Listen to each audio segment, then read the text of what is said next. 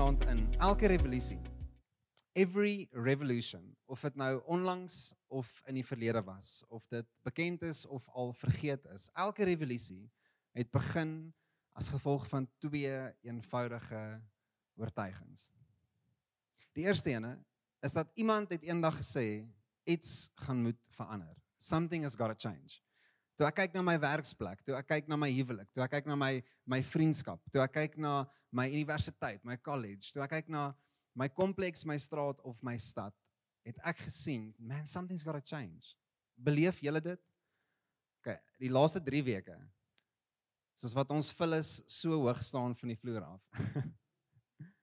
Enigiemand is, is net ek wat nie my vullis vir 3 weke gehad het wat dit wegry was nie. Nee. Ek het gehoor die hele rooi skraal is nou net 'n garbage dump. Is dit waar? O, okay, okay, cool. Something has got to change, man. Iemand moet iets doen om hierdie goed te verander. Maar die tweede oortuiging wat gelei het na elke revolusie was dat daai selfde persoon ook erken het as iets gaan verander, gaan dit begin by my. If something's going to change, it's going to start with me. En wat gaan die volgende met jou deel van die bekende skrywer Leo Tolstoy? Hy sê die volgende woorde. Hy sê everyone thinks of changing the world, but no one thinks about changing himself. Ek glo dat dit is miskien die grootste roeping wat jy as 'n Jesus volgeling in jou lewenstyd sal ontdek. Dis nie 'n roeping om iets te sê nie. Dis nie 'n roeping om iets te doen nie. Dis nie 'n roeping om iets op te los nie. Inteendeel, dis 'n roeping om iets te wees. We were called to be something, to be change. So, dis die kern van elke revolusie. En alhoewel dit net die begin is, is waar 'n revolusie volspoed gesien word, full throttle, at its biggest, strongest and fast forward moving pace. As jy wil weet waar trek 'n revolusie, dan meet jy dit met die volgende. It's a conviction of change that spreads to another, and then to the group, then to the crowd, then to the multitudes, and then to the movement. En dit het gebeur 2000 jaar terug, saam met Jesus en 'n klein groepering mense wat hom daagliks gevolg het. En 2000 jaar later kan ons almal erken, ek dink ons kan dit admit vandag, is dat die modus operandi, ek weet nie of jy weet wat dit is nie. Enigiemand? Die MO, die modus operandi, die manier hoe goed gebeur. In 2000 jaar in kerk en koninkryk het nog nie 'n millimeter verander nie. Hierdie is nog altyd God se plan A. Daar's nie 'n plan B nie. Okay? If we're going to change the world, it's going to happen because we are changed. Sien iets van liefde wat 'n greep op my het, 'n greep op my hart het. This changes everything ek gaan nie anders kan leef en kan dink as ek nie werklik verander nie. As ek gaan moet lewe volgens my eie wil, as ek gaan moet lewe volgens my eie selfsug, my eie gebrokenheid, my eie pyn, nothing's going to change. If I want to see real change, dit gaan net gebeur wanneer ek werklik uitgedaag word, wanneer liefde my hart gryp. En hier is waar ons vanaand gaan inspring. Dis nie hierdie een konsep saam met Jesus en dis en sy disippels van om werklik verander te word, om werklik soos Jesus te word, het tot vandag toe nog mense verbaas maar ook uitgedaag en saam met dit mense geïnspireer. En ek hoop dat hierdie drie goed vanaand iets in jou gaan kom losmaak. Dat jy sal sit saam met my met 'n oop hart dat ons almal hier vanaand verbaas sal word. That we would stand in awe when we see what God is doing. Maar saam met dit dat ons werklik oortuig word, nê? Nee? Dat ietsie jou sal konfronteer vanaand. Dis eintlik 'n baie mooi woord. Ons dink aan aan konflik, maar as 'n mooi konfrontasie wat wag vir ons vanaand. En dat jy geïnspireer sal word. Uh, iets deur wat God inhou in sy woord vir jou vir vanaand. Is dit 'n deal? Pak op. Wat er is toe uit gaan huis toe. is dit 'n deal? Kan ons dit doen? Kom ons spring in. Markus 12, as jy 'n Bybel by jou het, Uh ek wil sommer net vra Linden, waar sit Linden net om die ligte vir ons aan te sit. So 'n bietjie donker net hierdie twee ligte hier. Maar ons spring in in Markus 12 vers 28 tot 34. Ek is vanaand in die CSB, die Christian Standard Bible. Al die skrif wat ek vanaand deel is vanuit hierdie een vertaling in Engels. Maar jy is meer as welkom om jou Bybel uit te haal en in die taal en vertaling wat jy van hou om dit daarin te lees. Okay? Hierdie is net my go-to. Maar kom ons spring dan in vanaand met Markus 12. Vers 28 One of the scribes approached Jesus. And when he heard them debating and he saw that he answered them well, he asked them, Which command is the most important of all? And then Jesus answered, The most important is, Listen, Israel, the Lord our God, the Lord is one. So love the Lord your God with all your heart, all your soul, all your mind, and with all your strength. And the second is love your neighbor as yourself. There's no command greater than these. And then the scribe said to him, You are right, teacher. You have correctly said that he is one and that there's no one else except him. And to love him with all your heart and understanding and strength. And then to love your neighbor as yourself is far more important than all the burnt offerings and sacrifices. When Jesus saw that he answered wisely, he said to him, You are not far off from the kingdom of God. And then no one dared to question him any longer. Wat ons hier sien is 'n eenvoudige interaksie wat Jesus met 'n skrifgeleerde gehad het. Nou, bietjie verder vanaand gaan ons oor 'n ander skrifgeleerde praat wat amper lyk soos dieselfde storie, maar dit was 'n ander interaksie gewees. In hierdie interaksie, die skrywer Markus maak dit duidelik vir ons dat hierdie skrifgeleerde uh het nie slegte intensies gehad nie. Hy was nie daar om Jesus te toets nie. Hy hy het nie probeer iets bewys of iets bereik nie. Inteendeel, wat ons eintlik hier sien, is dat hy die geleentheid gebruik terwyl 'n klomp mense redeneer en debatteer, dat hy werklik 'n goeie en groot vraag aan Jesus kon stel. He asked a great question and he received an even greater answer. Kom ons klim in hierdie in vanaand. Sien die vraag wat hy aan Jesus kom vra is wat ek eintlik glo baie van ons wat hier sit vanaand indien nie almal nie. Ek gaan net sê baie om dit veilig te speel. Maar ek dink almal van ons sal werklik erken en eerlik wees dat hierdie een vraag is 'n vraag wat almal van ons mee worstel hierdie een vraag is die sleutel tot hoe jy werklik jou lewe gaan leef is wes ek met hierdie kant toe staan light side, dark side, light side, dark side. Die vraag is if I am to live my life according to God's will, word and way, what will be of the highest importance to me?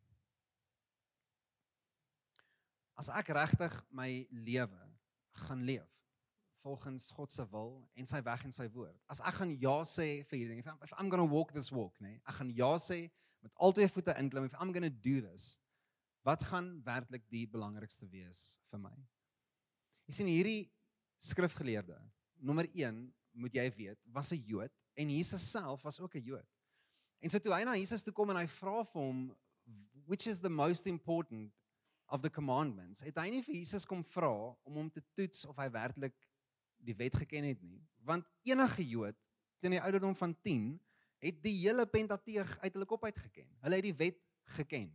OK? Soos in to detail, woord vir woord. So dis net so goed ek vra vir Jason, hoor Jason, ek gaan jou nou toets met 'n vraag? Nee, maar 'n genuine en 'n luister. 1 + 1 is OK, so as hy sê 2, gaan dit my nie verbaas nie. Want dit was nie 'n stryk vraag nie. Dis 'n redelike algemene kennis. Dit was die interaksie hier ook. Hy het nie na Jesus toe gekom om hom te toets met sy kennis op die wet nie, want alle Jode het daai wet geken. Wat hy eintlik gedoen het is hy het hierdie diepe vraag aan Jesus kom stel: "Is Jesus ek as 'n skrifgeleerde en in die pad wat ek stap het baie vinnig agtergekom dat godsdiens lei na 'n leë plek toe. I need something real. Ek kort iets anderste. Ons sien hierdie interaksie en ek kan vir jou hierdie punt bewys deur sy reaksie na Jesus toe. Sy woorde nadat Jesus die wet opsom en vir hom die belangrikste voorgee om mense werklik lief te hê. If you're going to live your life in the way and the will and the word of God, the thing that will be most important sal wees om mense goed lief te hê. Sy reaksie vir Jesus is die volgende. You are right, teacher. To love your neighbor as yourself is far more important than all the burnt offerings and sacrifices. Vir 'n Joodse leier om hierdie woorde te moes uiter was so skaars soos hoendertande. Vir 'n Jood om te sê die pad van die wet en godsdiens lei na 'n leë plek toe. En al daai goed beteken amper niks as dit opgeweeg word teenoor die werklike roeping op my lewe om mense lief te hê nie. As ek nie daai implikasie inneem nie, dan mis ek iets. Wil jy moet hierdie saam met my sien vanaand? Is toe Jesus sy woorde hoor. En die laaste ding wat hy na hierdie persoon toe sê, is woorde wat hy oor hom spreek. Hy sê vir hom you are not far from the kingdom of God. And no one dared to question him any longer. Vir jy moet gou hierdie besef saam met my. Uh, neem dit in. Wanneer ons hierdie skrif lees, wanneer ons interaksies lees wat Jesus met mense gehad het, kan ek en jy nie bekostig om onsself in die storie te plaas as een van die mense in die skare wat net aanskou wat hier gebeur nie. We cannot afford to place ourselves within the story as one in the crowd. Ons kan nie. Ons moet onsself in hierdie storie inplaas as hierdie fariseer, as hierdie skrifgeleerde, as the scribe. Waar Jesus na hom kyk en vir hom sê: "Die belangrikste het jy reeds ontdek om mense werklik goed lief te hê. You are not far from the kingdom of God." Net daai stelling. Net daai stelling was net aan hom gerig. Niemand anders te daar het daai woorde ontvang nie.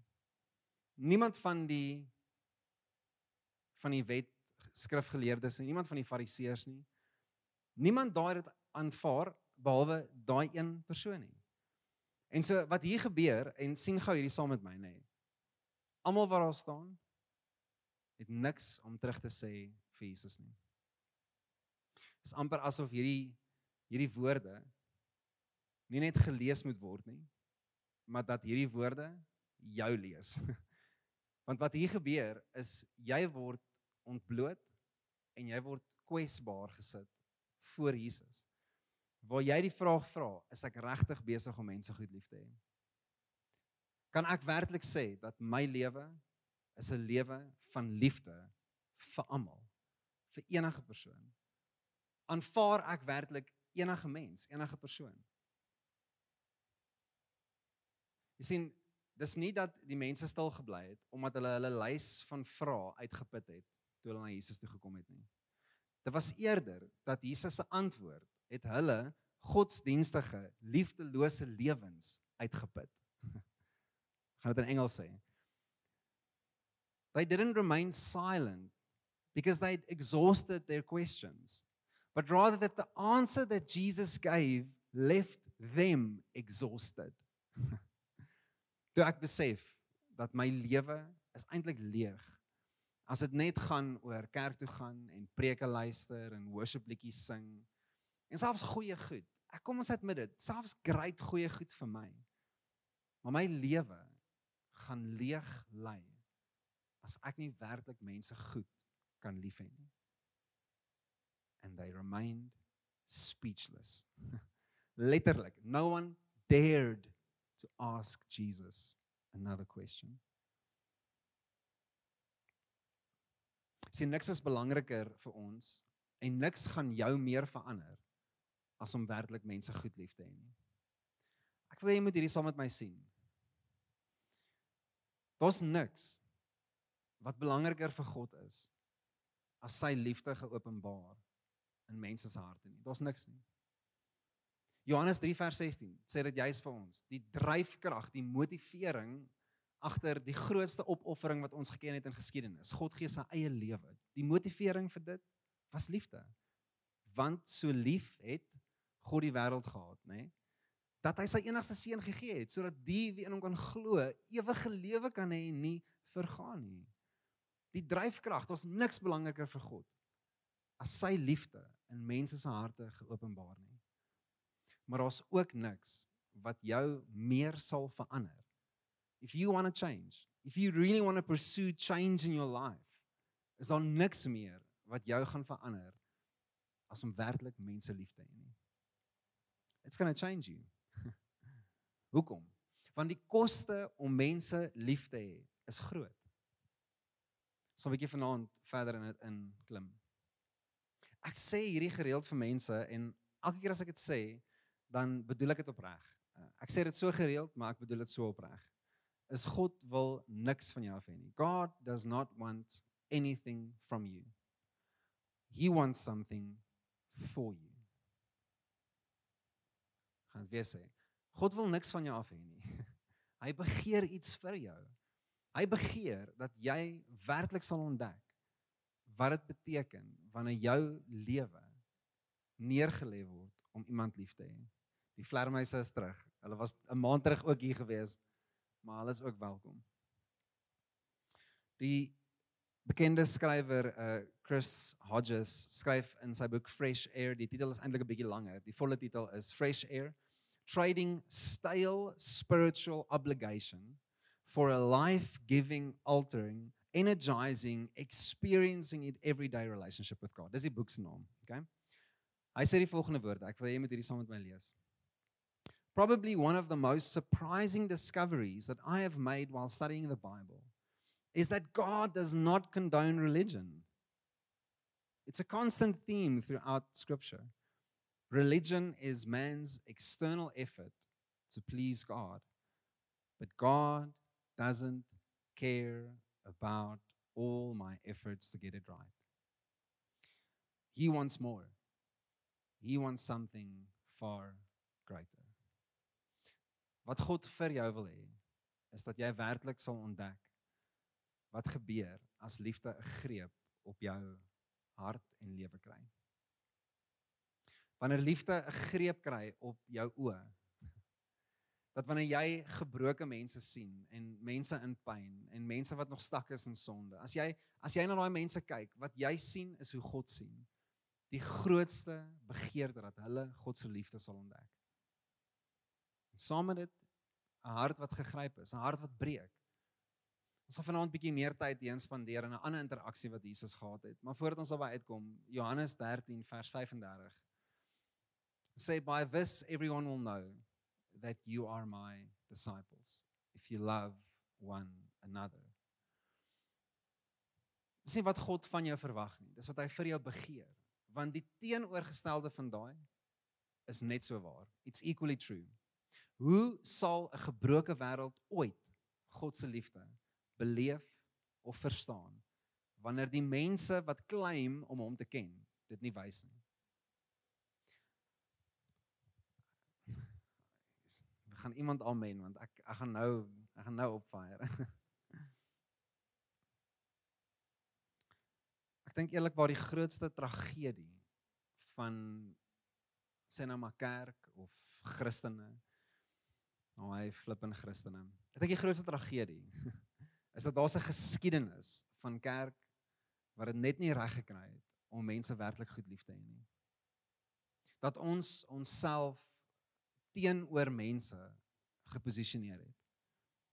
amper asof ons het probeer kerk beskerm om kerk skoon te hou en mooi te hou en presentable te hou en almal moet dieselfde lyk like en ryk en praat en lees. En sodra jy anders te lyk, as jy tattoos het, mm -mm, sê nie welkom in 'n kerk nie. As jy rook, mens moet eers aan dink, jy ryk soos die hel. Wil jy in die kerk kom sit? Jy weet. Is jy verwar oor jou seksuele identiteit? Nee, jy mag nie hier wees nie. Jy mag nie hier wees nie. Asof een persoon se sonde groter is as 'n ander persoon se sonde. En kerk het 'n bad rap, 'n bad record sheet van hoe ons sleg mense liefgehad het. Dit is my interessant nê nee, dat dieselfde Bybel wat ons lees, beskryf Jesus as iemand wat die meeste van sy tyd, effort en energie spandeer het rondom gebroke mense. Kom ons admit dit, ek is 'n gebroke mens. Almal van ons is gebroke mense. We are definitely broken people. En Jesus spandeer al sy tyd met prostituie, tollenaars en diewe, boewe, skelms.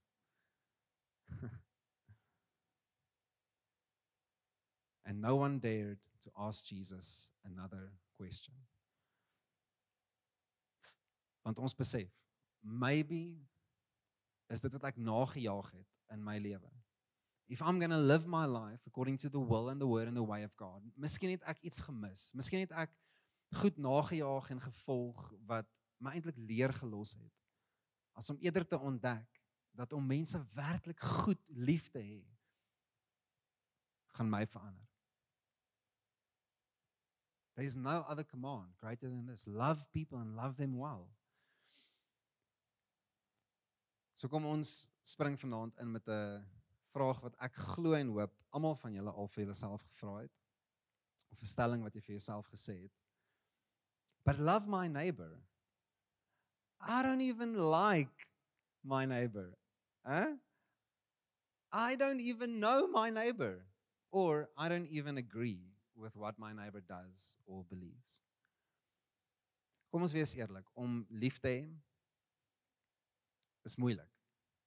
Dis moeilik. Kan ek dit erken vanaand? Om mense lief te hê wat nie glo wat jy glo nie, doen wat jy doen nie, lyk like soos wat jy lyk like nie. Of om mense te glo wat net plain eenvoudig, jy hou net nie van hulle nie. Dis mense wat my ingedoen het, hulle het my besteel, hulle het my, jy weet, beledig. Dis mense wat ek ek het net nie tyd vir hulle nie. Nou moet ek lief wees vir hulle. Wat wat beteken dit? Moet ek smile and wave, nê? Nee? Soos moet ek net lag en waai asof dit die antwoord gaan wees? kerk het saam besluit, okay? Unanimously. Ons gaan vir almal lief wees deur om net te glimlag en te waai. Dis al wat ons gaan doen.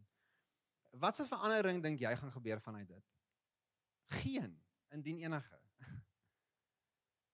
sien wat Jesus hier vir ons eintlik kom losbreek om te kom ontdek is wat dit werklik beteken om lief te hê en ons spring vanaand daarin. Ek wil jy moet een ding saam met my erken vanaand. In Romeine 8 vers 5 sê dit so mooi. Paulus sit hom op die neus. Romeine 5 vers 8 sê but God proves his own love for us that while we were still sinners Christ died for us. Twee goed. Die eerste een is dat God se liefde is die bewysende faktor he is the one proving love. nie ons nie. Ons het niks om te bewys nie. Niks nie. Maar ons het iets om te aanvaar. And I just need to accept his love. Want as ek dit gaan doen, gaan ek die tweede ding daar erken, is dat even while I was still a sinner. En so hier's drie stellings vir jou vanaand. 1. Niemand van ons kan sê een van ons het God se liefde ooit verdien nie. Nie een van ons nie. Okay? Of jy net 'n tattoo het of nie. Of jy nou mayonnaise spuit of broccoli rook of ek weet nie wat nie. Nie een van ons het al ooit God se liefde verdien nie. Nie ek nie, nie jy nie. Nie een van ons het gekwalifiseer vir God se liefde nie. En nie een van ons kon werk vir God se liefde nie. Maar tog het ons dit aanvaar en ervaar. And God loved me. En so as hy my kan lief hê, gaan my reaksie wees om dan weg te loop met die sjoe close call. I made it. maar vir die res van hierdie mense met daai issues nee. No way. Hulle gaan ons uitdruk. Hulle gaan ons judge. Hulle gaan ons oordeel. Ons gaan nie hulle deel maak van community nie. Ons gaan nie hulle deel maak van van kerk nie. Dis vir my so sleg. Nee dat jy iets kan beleef en ervaar wat jy nie verdien het of voorgekwalifiseer het of voorgewerk het en jy kon dit kry. Maar jy kan dit nie goed dink om dit vir iemand anders te genuen te begeer nie. So man die Here kon my lief hê en het my lief gehad tot op so 'n punt dat hy uit sy lewe vir my gegee. En dan wil ek 'n skouer draai en sê, maar nie vir daai persoon nie. Nie vir daai issue nie, nie vir daai sonde nie. Nee, nie vir daai struggle nie. Net vir my. Want daarom was ek so bad nie. Dink ek nie ons almal was equally bad. Dit was die punt. 'n Tweede interaksie wat ek vanaand wil tyd spandeer. Lyk like soos 'n soortgelyke interaksie, maar is radikaal anderste.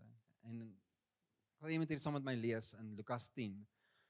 En uh, dis van 25 tot 29. Uh, ek gaan net hierdie paar verse lees, maar jy kan die volle stuk gaan lees. Ons het net nie tyd vir dit vanaand nie, maar dit is die baie bekende storie van die barmhartige Samaritaan, nê, the good Samaritan. Maar wat die skrywer hier vir ons doen, is die skrywer lig ons in dat die persoon het slegte en skewed intensies gehad van die standspoor af. Van die begin van hierdie gesprek af, andersins as die in Markus 12 waar iemand genuen met 'n goeie vraag na Jesus toe gekom het en 'n great antwoord gekry het. Hoe hierdie persoon na Jesus toe draai met slegte intensies. Dit begin and then an expert in the law stood up to test Jesus. Saying, "Teacher, what must I do to inherit eternal life? What is written in the law?" He asked him. Pause gou. So in die eerste interaksie het Jesus vir of het, was daar 'n vraag vir Jesus gewees, wat is die belangrikste in die wet? Nou vra Jesus dieselfde vraag vir 'n skrifgeleerde. En hy sê vir hom, "How do you read it?" He asked, "Love the Lord your God with all your heart, with all your soul, all your strength, with all your mind, and your neighbor as yourself." En Jesus sê vir "You have answered correctly.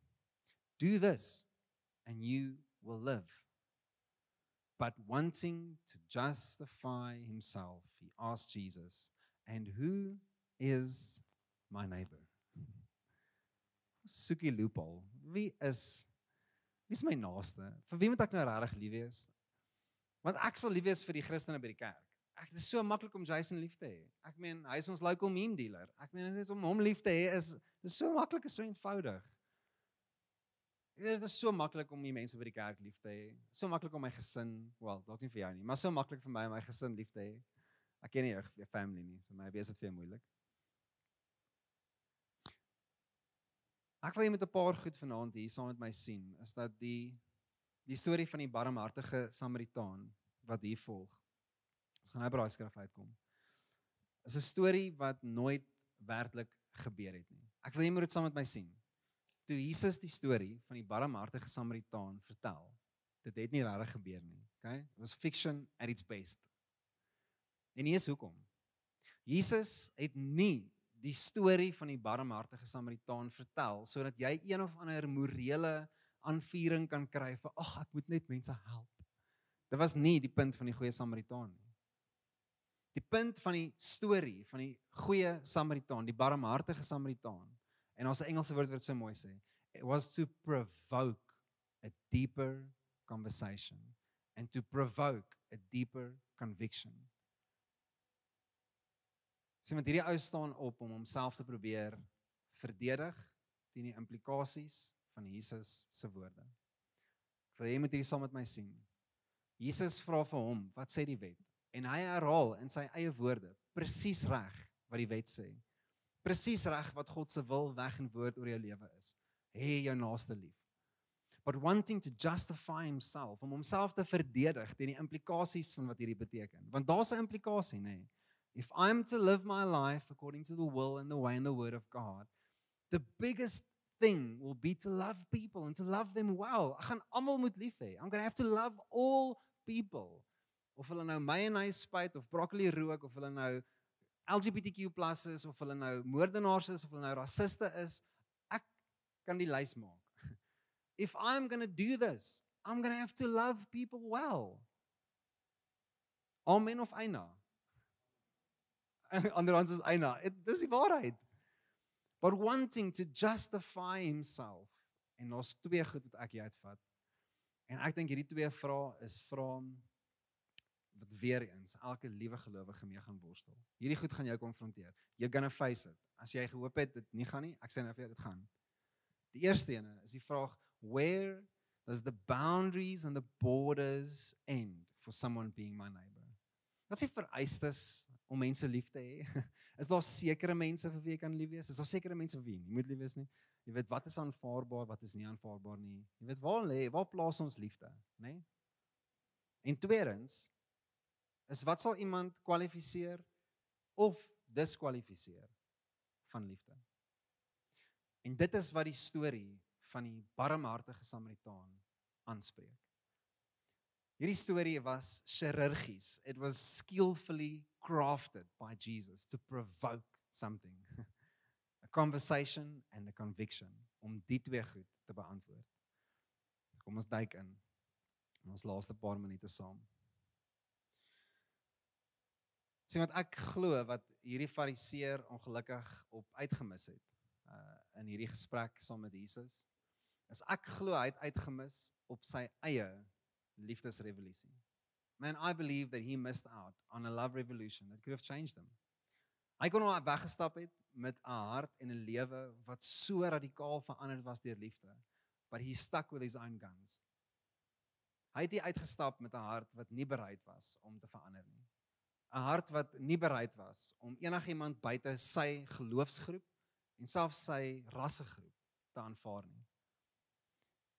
Ek het nie tyd daarin om die tyd om aan te gaan nie, maar as jy die konteks verstaan van 'n Jood en 'n Samaritaan, dit is soos die beste voorbeeld is iemand wat in Centurion bly en iemand wat van Brakpan afkom. Joke. Ek spot dit, ek joke. Ek joke. Ek ek wou gesê dit vereniging, maar my vrou is nie in die gebou nie, so sy kom van vereniging af. Daar's net een ding wat van vereniging afkom en dis ligbesoedeling. Ek belowe en nou, dis dis hulle waai so oor na ons toe. Maar die Jode het hulle self so verwyderd van die Samaritane. Inteendeel dat hierdie godsdiens, die mense wat geklaim het om God die mees intiemste te ken. Daar's nie 'n ander groepering mense op die planeet wat die stelling kon maak ons ken die ware God buiten daai klomp fariseërs en Jode nie. Ja? Die Jode, die gekiesde nasie van God. Die mense wat veronderstel was om die naaste aan hom te wees het die slegste job gedoen om mense werklik lief te hê. Want hulle het self sekere mense verbied om in die tempel in te kom. Jy kan self gaan studie maak daarvan. Soos wat die tempel gebou was, daar was sekere gedeeltes van die tempel kom uit van die allerhoogste af en dan was die tempel courts en dan was aan die buitekant was daar die trappe gewees en dan net buite die die die omtrek van die tempel. Dis die parkeerterrein basically. Dit is waar die Samaritane. Dis waar hulle God moes aanbid as hulle wou. Dis waar hulle kerk moes beleef. Was daar op die buiteplekke. Daar in die strate ergens, nie hier saam met ons nie. Hierdie is gereserveer vir die die prima Christene hier binne. Jy moet eers al jou staf uitgesort hê voordat jy community en koffie hier kan kry. Andersins Starbucks is daai kant toe. Dis belaglik. Dis absoluut belaglik. En hier kom konfronteer Jesus hierdie. Jy sien as hy as hierdie fariseer werklik eerlik was met homself. Ek dink ek sê dit ook gereeld. Ons dis een ding om te jok vir mense, nê. Maar as jy jok vir jouself, as jy lieg vir jouself, is dit amper asof daar's geen manier hoe jou lewe werklik gaan verander nie. Hierdie ou moes na Jesus toe draai, toe Jesus vir hom sê doen hierdie en jy sal lewe. En hy moes na Jesus draai en moes hom sê, "Maar Jesus, hoe? Ek kan nie. Dit is so moeilik." Na die storie van die barmhartige Samaritaan, hoe in hierdie belaglike die belaglikheid van hierdie ou gaan haal 'n persoon wat platgeslaan is, beroof is, skaal gelos is, half dood op die pad en die priester stap verby en help hom nie en die leviet stap verby en help hom nie en hier kom 'n 'n Samaritaan, 'n Samaritaan en kom kom vat hierdie ou en gaan boek hom in by by 'n herberg by hospitaal en en betaal vir alles en sien hom na al sy behoeftes en ek meen dit dit klink verregaande, dit klink so ridiculous, né? Nee? In hierdie wat ons hier sien is dat ek en jy is ongelukkig nie die barmhartige Samaritaan nie. Ons is ook nie die priester nie, ons is ook nie die leviet nie. Elkeen van ons wat hier sit en elke persoon daar buite was die beroofde en platgeslaande man. Jesus was die barmhartige Samaritaan.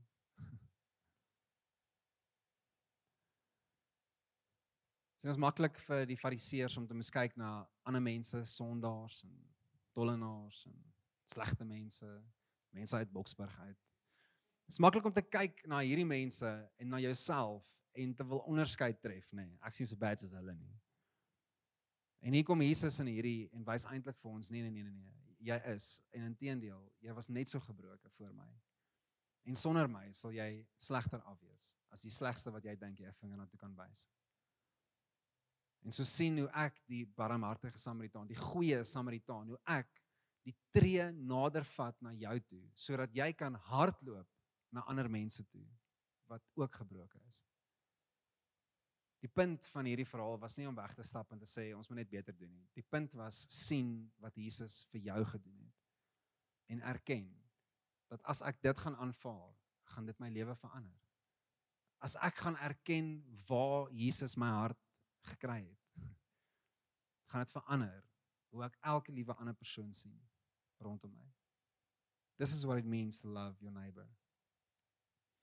Preston Sprinkle sê die volgende woorde. Hy sê dit so mooi. We can get the Bible right, but if we get love wrong, we are wrong. En wat wat hierdie woorde beteken is presies hierdie interaksie is. Hierdie fariseer sê die regte goed. He says to the point, presies, nail op die kop wat God se wil, woord en weg is. Maar die implikasie daarvan in sy lewe is net so leeg soos sy oortuiging rakende daai woorde. You can get the Bible right. Kyk as jy wil mense met 'n Bybel gaan slaan want die Bybel sê hierdie en die Bybel sê dit en die Bybel sê jy moenie en jy mag nie. Jy kan die Bybel reg kry, sure. But if you get love wrong, you are wrong. Want hoe gaan jy ooit iemand voorstel aan die liefde van Jesus, die vergifnis en die genade en die persoon van Jesus?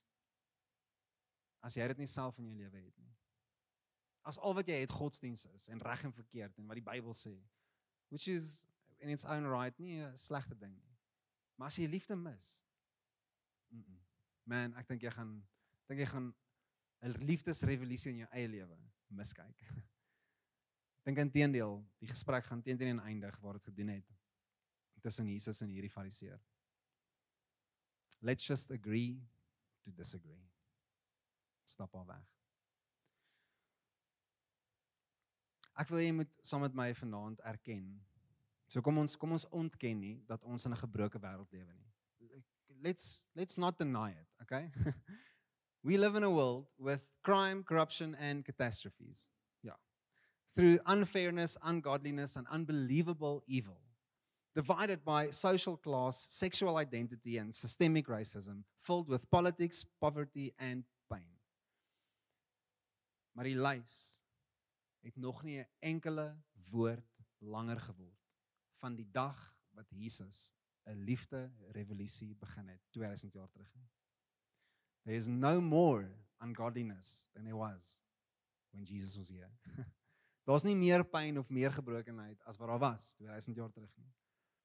En so wat ons vanaand vir mekaar sê is ons kan teen teen 1 'n 1000 redes lys oor hoe om nie lief te wees vir sekere mense nie. Ons kan probably 1000 redes lys. Maar ons kan nie ontken dat daar een enkele rede is oor hoekom ons mense liefhet nie. Because God loved me. en as hy my kan lief hê, verander dit alles. If God really loves us, then it changes everything. Dan sal hy lys van 'n 1000 redes oor hoekom ons nie moet lewe as vir mense nie oorrompel deur die een enkele rede oor hoekom ons moet wees. Because he loves us. En so wat liefde beteken? Is liefde beteken nie dat mense altyd reg is nie. Love doesn't mean that people are always right. Okay? Dit beteken ook nie dat jy altyd reg is nie. Love doesn't mean that people are perfect. Want jy is nie perfek nie.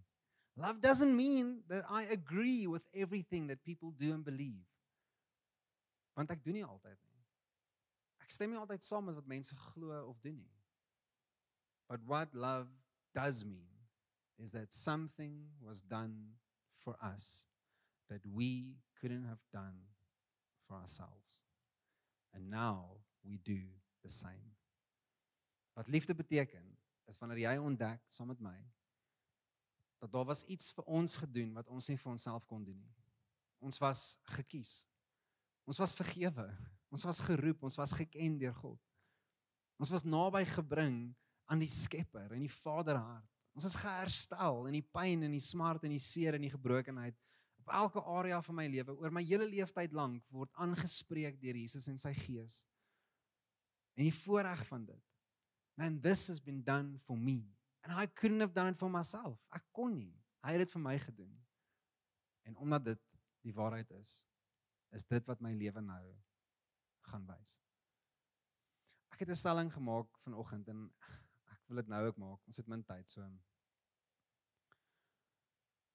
Elke liewe week bid ons klomp Christene. Here stuur gebroke mense na ons kerk toe. Here stuur mense hier dat ons hulle lewens kan bereik met u liefde. That people will come to know you, God, know you Jesus in a relationship with you. Of hulle nou gebroke is of nie, stuur mense. Maar gaan jy hier sit eerlikwaar, gaan jy hier sit in hierdie kerk wanneer daar volgende week uh, vyf dwelmverslaafdes hier instap? Uh 10 LGBTQ mense hier kom sit. Gaan jy ongemaklik wees? As ek nog 'n tatoe kry, gaan dit jou offend. Hoor wat ek vir jou sê en neem hierdie woorde in. Die roeping op jou lewe is vas. Wees liefde and love people well. You don't have to agree with them. Okay, jy hoef nie. You don't even have to convince people. You don't even have to like the way they live. Dis okay. But you're called to love and love well because you have been loved extremely well. God het nie vir 'n oomblik teruggehou om jou lief te gehad het toe jy in sonde was of gebroke was nie, het nie. En so hoekom is dit so dat kerk is net vir Christene? Kerk is net vir mense wat hulle wat hulle geloof uitgefigure het en uitgeskoor het. Hoe is dit die waarheid? Dit is nie. Kerk is die liggaam te wees van 'n lewende God wat almal aanvaar. Jesus embraced all people. Gaan dit weer sê, Jesus embraced all people not because of a low view of sin, but because of a high view of love. Jesus het nie almal aanvaar omdat hy sonde min gemaak het nie. Ag, daai is nie so bad nie, daai is nie so bad nie. Jy weet amper asof hy sonde toe gesmeer het nie. Nee. He embraced everyone because he had a high view of love. Dit was juis omdat hy so lief was vir ons. Dat hy gekies het om selfs in ons gebroke kondisie ons lief te hê. 'n Laaste vers vir jou vanaand. Uh lees saam met my in Johannes 4 vers 19. We love. We love because he first loved us. And if anyone says that I love God and yet he hates his brother or sister, he is a liar. For the person who does not love his brother or sister whom he has seen cannot love God whom he has not seen. And we have this command from him to love or the one who loves God must also love his brother and sister. So wat ons vandag aanvaar. Laat hierdie jou uh kom bedien en kom bemoedig vanaand. Daai drie goed wat ons gesê het, man, ons wil vanaand hier sit met oop harte. What we accept today is God's love. it's undeserved, it's undeniable and it is unstoppable. Ek kan nie kwalifiseer nie en ek kan ook nie gediskwalifiseer word vir sy liefde nie. I accept it. But what we expect. Okay? This is what we accept. What we expect. Ons het 'n verwagting. Is that because of that I have an expectation and a willingness to be changed. Jesus' love revolution has gripped my heart and now I'm not just the object of God's love. I am the instrument of God's love.